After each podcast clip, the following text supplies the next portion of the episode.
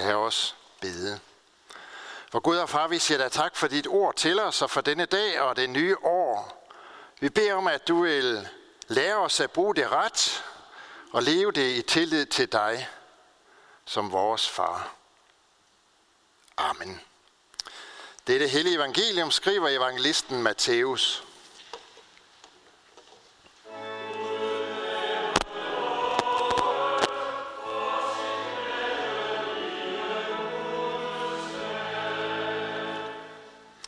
Jesus sagde, når I beder, må I ikke være som hyklerne, der ynder at stå og bede i synagoger og på gadehjørner, for at vise sig for mennesker. Sandelig siger jeg, de har fået deres løn. Men når du vil bede, så gå ind i dit kammer og luk din dør og bed til din far, som er i det skjulte. Og din far, som ser i det skjulte, skal lønne dig. Når I beder, så læg munden løbe, som hedningerne gør – fordi de tror, at de bønhøres for deres mange ord. Det må I ikke ligne. Jeres far ved, hvad I trænger til, endnu før I beder ham om det. Derfor skal I bede således. Vor far, du som er i himlene, helliget blive dit navn, komme dit rige. Ske din vilje, som i himlen, således også på jorden. Giv os i dag vores daglige brød, og forlad os vores skyld, som også vi forlader vores skyldnere. Og led os ikke ind i fristelse, men fri os fra det onde. For dit er riget, og magten og æren i evighed. Amen.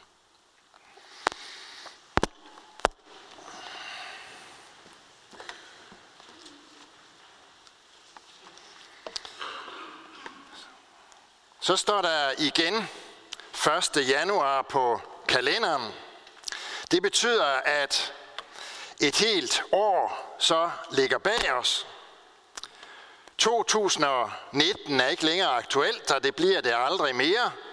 Vi kan kun, vi kan ikke skrue tiden tilbage eller sætte den i stå. Det eneste vi kan, det er at se tilbage og mindes de højdepunkter, der var i 2019. Se tilbage på glæder og store oplevelser på det år, på det, øh, som vi oplevede i 2019. Måske nye mennesker, som vi lærte at kende.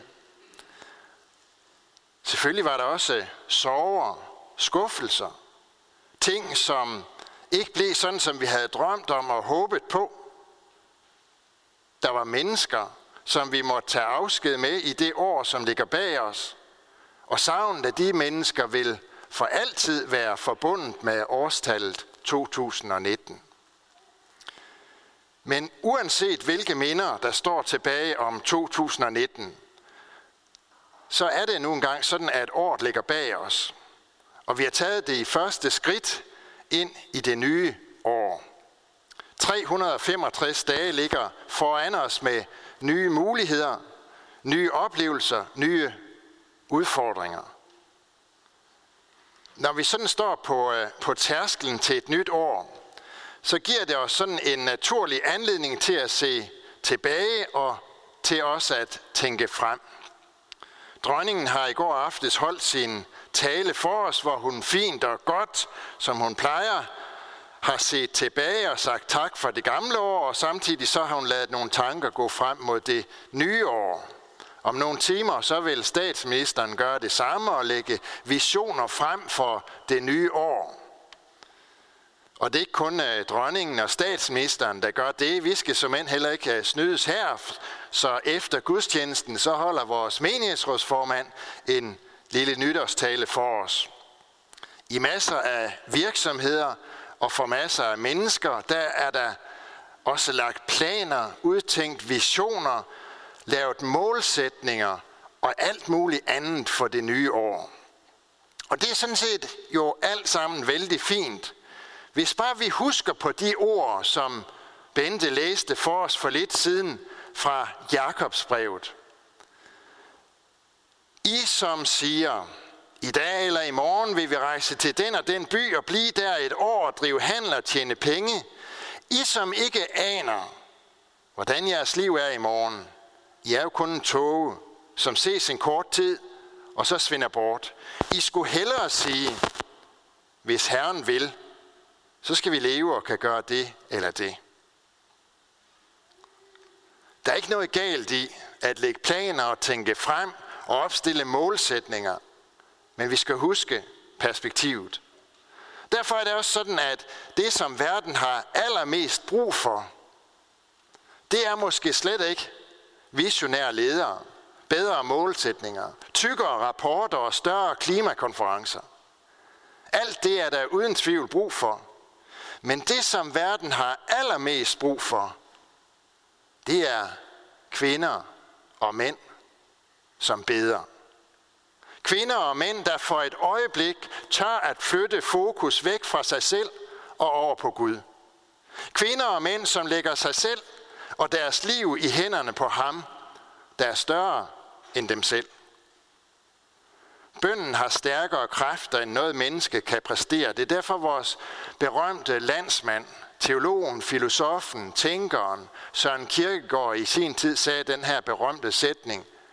Der er magt i de foldede hænder. Derfor er der heller ikke noget, der er mere fornuftigt at tage sig til her ved portåbningen til 2020, end for et øjeblik at overveje, hvad bøn egentlig er. Vi har lige lagt øh, øre til, hvordan Jesus han lærer sine disciple og, og bede, hvordan han lærer dem den grundlæggende kristne bøn, Fader vor. Og det er jo netop hos Jesus, vi skal henvende os, hvis vi skal lære, hvad bøn er. I Bibelen der kan man tælle op, at Jesus han omtalte bøn i sin prædikner og i sin undervisning ikke mindre end 42 gange. Og i evangelierne er der 28 gange fortalt om, hvordan Jesus selv beder. Han bad på et bjerg, han bad i templet, han bad i ørkenen, han bad i Gethsemane, ja han bad endda på korset, da han var ved at dø. Så meget var bønnen en del af Jesu liv, at disciplene på et tidspunkt kom hen til ham og sagde, lær os at bede. Og så er det, at vi i dag skal have fat i, hvad det egentlig var, Jesus sagde til sine disciple, da de kom og sagde sådan til ham. Fordi for mange af os er det måske gået sådan, at bønden er gået hen og blevet til en, en pligt. Måske endda en tung pligt. Jeg, jeg burde bede noget mere. Jeg, jeg burde sætte mere tid af til det. Jeg burde være mere flittig i forbønden. Jeg burde øh, i hvert fald sige mere tak. Jeg burde bede for det ene og for det andet. Jeg burde i det mindste bede mit fadervor hver dag. Må ikke vi kender det hver især. Den dårlige samvittighed kan blive så stor, at bønden bliver til en tung pligt. Så hør rigtig godt efter, for Jesus anlægger en helt anden vinkel, når han lærer sine disciple, hvordan de skal bede. Han anser ikke bøn for en pligt. Selvfølgelig forventer han, at de beder, men det er helt overskyggende perspektiv, det er, at bøn, det er et Guds barns privilegium. Når vi oplever bønnen som en tung pligt, så kan det nemt være, fordi vi har glemt, hvad det egentlig er, der er bøndens udgangspunkt, nemlig at vi er Guds børn. Vi er døbt til at være det. Ved dåben er vi kommet til at høre sammen med Jesus. Ja, vi har ligefrem byttet plads med ham, sådan at det, som han var, Guds elskede og højt værdsatte barn, det blev vi. Og det, som vi var, det, som jeg var, en sønder, der er fortabt og dømt til døden, det blev han. Derfor er der ikke noget, som vi skal gøre for at blive Guds barn eller for at have et godt forhold til Gud, eller for at vinde Guds sympati. For vi har den allerede, for vi er hans børn. Vi skal ikke bede for at vinde Guds velvilje. Vi har den på forhånd, og han vil os alt godt. At bede, det er at tale med ham, som allerede på forhånd ved, hvad vi vil bede om. Og at tale til ham, som elsker os. Når bøn bliver en tung pligt for os, så kan det være, fordi vi er begyndt at bede som farisæerne eller som hedningerne. Det er de to grupper, som Jesus han trækker frem for sine disciple, og som han advarer os mod at komme til at ligne. Lad os først se på forskellen mellem farisæerbøn og kristenbøn. Farisæerne og Jesus, eller Jesu disciple, beder til den samme Gud. Det, som går galt for farisæerne, det er, at de ikke længere har fokus på den Gud, som de beder til. I stedet fokuserer de på de mennesker, som er omkring dem. De mennesker, som skal høre dem, og som skal se, at de beder. Dermed mister de egentlig bøndens privilegium. Nu er det vel sådan for os, at vi stiller os ikke ret tit op og sådan beder på, på gadehjørner. Og hvis vi gjorde det, så ville der i hvert fald ikke være særlig meget status eller anerkendelse forbundet med det. Men vores bøn kan alligevel godt blive lidt ligesom farisæerne og, øh, og blive offentlig, mens den personlige relation til Gud, den så glider lidt i baggrunden. Det kan for eksempel ske, hvis bøn kun er noget, vi deltager i, når vi for eksempel er til gudstjeneste, eller når der bliver bedt fadervor eller en anden bøn ved et møde eller en bibelkreds, eller så, så gør ved familieandagten derhjemme, ved aftensmaden, eller hvordan det nu er, vi, vi har indrettet os. Hvis bøn kun er noget, jeg deltager i sammen med andre, så mister jeg faktisk bøndens privilegium. Det er det, Jesus han advarer os mod ved at nævne farisæerne. Der er ikke noget galt med fællesbøn. Det er godt at bede her i kirken, til møder, til bibelkredser og øh, derhjemme. Og om ganske få dage, så afholder vi lige frem en, en bedeuge, hvor det primære det er, at vi skal bede sammen. Der er ikke noget galt med, med fællesbøn, men fællesbøn hører tæt sammen med et personligt liv med Gud i bøn. Det handler simpelthen om, hvor vores fokus er. Beder vi som en ydre skik, måske for at andre skal se os eller høre os, eller beder vi for at være sammen med vores himmelske far. Det fortælles, at den amerikanske præsident Lyndon B. Johnson engang havde inviteret til bedemøde i det hvide hus. Ja, det er sådan noget, amerikanerne de kan finde på. En af de bedende bad åbenbart for lavt, fordi præsidenten han afbrød ham og sagde, højere Bill, højere. Og så var det, at Bill han svarede, undskyld, men jeg taler ikke til dem, herr præsident. Når vi beder, så skal vi ikke have fokus på, at andre hører os, men på, at Gud hører os. For det er i sidste ende ham, vi gerne vil høre os af. Så bed gerne meget sammen med andre, men bed endnu mere derhjemme.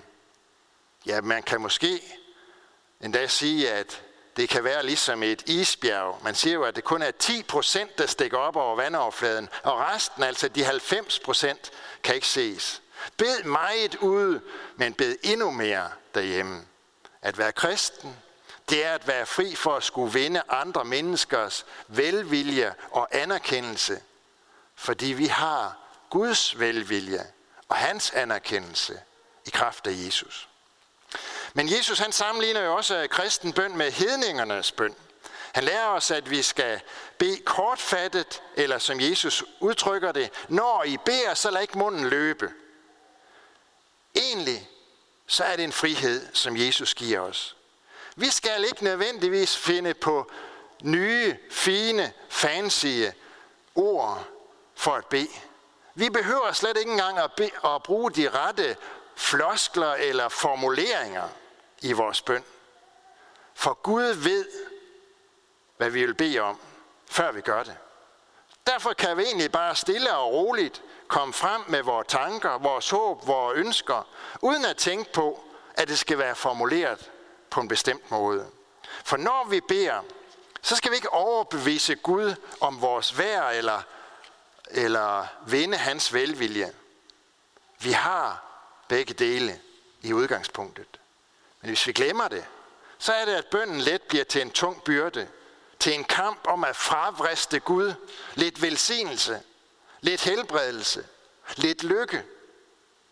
Hvis vi derimod husker på, hvem Gud er, og at vi i Jesus, ved troen på ham, er Guds elskede børn, så bliver bøndens liv med Gud til en oase, midt i livets øh, krav og kampe og af forskellige slags.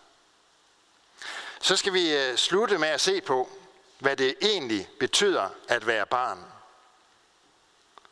Børn får ikke julegaver eller andre gaver som belønning. Det er forhåbentlig ikke sådan, at karakterbogen bestemmer, hvor store julegaver et, et barn skal have. Det tror jeg ikke, der er mange steder. Det håber jeg heller ikke. Mor og far elsker deres barn. Derfor vil de gerne glæde dem. Men vi husker sikkert alle sammen scenen fra tv-serien Matador, hvor Mads Skjern gav sin datter Ellen en hest, fordi hun var så dygtig i skolen. Ved samme lejlighed var det så, at mormor Katrine gav Daniel en hest, fordi han var sådan en god dreng. Og forskellen på de to gaver består i, at Ellen fik sin hest på grund af det, hun gjorde. Daniel fik sin hest for den, han var. Det er den sidste slags gaver, der er barnets gaver. Og det eneste, der var i vejen med Daniels gave, det var jo, at han ikke havde fået den af sin far. Når Gud giver gaver, så giver han ikke som belønning. Så giver han, fordi vi er hans barn. Det er et af privilegierne ved at være et Guds barn. Og derfor er det også vældig problematisk og øh, et ødelæggende gudsbillede, der for eksempel ligger bag et af de, af de nye kristne slogan, som hedder Push, pray until something happens. Altså bed indtil der sker noget. Prøv at høre her. Gud, Gud han bønhører os ikke for vores mange ord. Men inden vi beder, så ved han, hvad vi trænger til. Bøn, det er ikke at plage Gud om en bønhørelse. Som om det var noget, vi skulle tikke os til, eller nærmest aftvinge ham, fordi vi bliver ved med at bede. Bøn er at åbne sig for den bønhørelse, som Gud længes efter at give os. Vel må vi være udholdende og vedholdende i bønnen, men det er hele tiden under det fortegn, at Gud giver os ikke som belønning, men fordi vi er hans børn. Et andet barnevilkår, det er, at børn har en stor kvejekvote. Vi forældre, vi kan blive vrede på vores børn. Utålmodige, ophidsede, skuffede. Men vi overvejer forhåbentlig aldrig at ophæve deres status som vores børn. Når vi er døbt til Jesus, jamen så er vi iklædt, så har vi iklædt os Kristus, som det hedder. Så er vi lige så fuldt og helt Guds børn, som Kristus er Guds barn. Det ophører vi ikke med at være, fordi vi gør noget forkert, eller gør noget, som er imod Guds bud. Guds hus, det er tilgivelsens hus. Tilgivelsens hus, det er vores barndomshjem, når vi er Guds børn. Et tredje børnevilkår, det er den beskyttende kærlighed. Forældre giver ikke deres børn ting, som de ved er farlige for dem. Et, en etårig får ikke lov til at lege med plastikposer. Toårige får ikke lov til at spise med grillbestikket med laserskær. Far overlader ikke bilen til Ole, der er fem år, og han sætter ikke Rikke til at, på fire til at affyre nytårsraketter. At være barn af Gud betyder også at være under Guds beskyttelse. Der kan stå mange ting på vores ønskeseddel, som ser attraktive ud med vores øjne, men Gud ser mere, end vi ser. Han ser også mere end en jordisk far. Mellem alle ønskerne ser han vores virkelige og vores dybeste behov. Og han ved, hvad vi trænger til, endda inden ønskesedlen er skrevet. Barnevilkåret er, at han har en fars hjerte over for os, og ønsker at give os det, som vi trænger til. Det er det, som Jesus lærer os, som han minder os om i dag på den første dag i et nyt år. Verden har brug for dygtige ledere, for visionære ledere. Verden har brug for rapporter om det ene og det andet. Verden har brug for vigtige konferencer. Men det, som verden har allermest brug for, det er kvinder og mænd, piger og drenge, der beder, og som på den måde lægger sig selv og hele deres liv i Guds stærke hånd. Godt nytår. Amen. Og lad os bede. Vi lover og priser og takker dig, hvor Gud og himmelske Far, for livet og alle dets gaver. Tak, at du lod din søn komme til jord og hengav ham til lidelse og død for vores skyld. Men himmelske far, tak, at du også oprejste ham fra de døde og lod ham vinde sejr over alle mørkets magter. Vi takker dig for det år, som ligger bag os. Tak for din omsorg for os i det år og for din kærlighed. Tak for din trofasthed, at den er langt større, end vi forstår. Tak for din beskærmelse og for dine mange gaver til os i årets løb. Tak for fred her i vort land, for mad og drikke, for hus og hjem. Tak for din overbærenhed og for din tilgivelse af alt, hvad vi gør forkert. Mest af alt, tak fordi du har bevaret os i tro på dig, så vi kan begynde det nye år i Jesu velsignede navn. Vi beder om din velsignelse over det år, som vi i dag er begyndt på. Vi beder om, at du vil velsigne vores liv, Lær os at bruge det ret. Vi beder for din kirke på jorden, for din menighed her hos os. Vi beder om, at der også i dette nye år her hos os må være mennesker, som får øjnene op for din kærlighed og kommer til tro på dig. Da det lys, som du julenat tændte for os ved din søns komme til verden, lyse ud over hele den hvide jord, og lad det også nogle stråler lyse for os. Vi beder dig, Jesus, at du vil gøre, at vi alle må leve vort liv med dig som vores herre og frelser, og få al den lykke, som du har tiltænkt os, dine børn på jorden. Vi beder om, at du vil forny os i troen på dig og i håbet om dit komme. Vi beder for børnene, som skal døbes i det nye år, at de må blive oplært i den kristne tro. Vi beder for forældrene, at de må få visdom og vilje til at vise hen til dig. Og vi beder for konfirmanderne, at de også må få lov at se dig, så de aldrig glemmer det. Kald vores børn og unge ind på troens vej og beskærm dem mod alle ødelæggende kræfter. Vi beder for det kirkelige børnearbejde. Udrust du lederne velsign du det. Vi beder for vores hjem, vores kære, velsign både ægte folk og enlige til at leve efter din vilje og gode ordning. Vær nær hos de danske soldater, som er udsendt, og alle, som gør tjeneste for fred og retfærdighed i verden. Hjælp og styrk dem i deres gerninger, og vær nær hos deres kære, som må bære bekymringens byrde. Vi beder om fred i verden. Vi beder om, at du vil være nær hos dem, der har mistet en af deres kære i det forløbende år. Vær nær med din omsorg og trøst, og giv du tro på en glædelig opstandelse for enhver, som har levet livet i tro på dig. Alle disse bønder overgiver vi til dig, Herre, og så lægger vi os selv og din kirke i dine hænder, i vidsthed om din omsorg for os, også i dette år. I Jesu navn. Amen. Nu vil vi rejse os, som apostlen ønsker for hinanden, hvor Herre Jesu Kristi nåde, Guds kærlighed og Helligåndens fællesskab være og blive med os alle. Amen.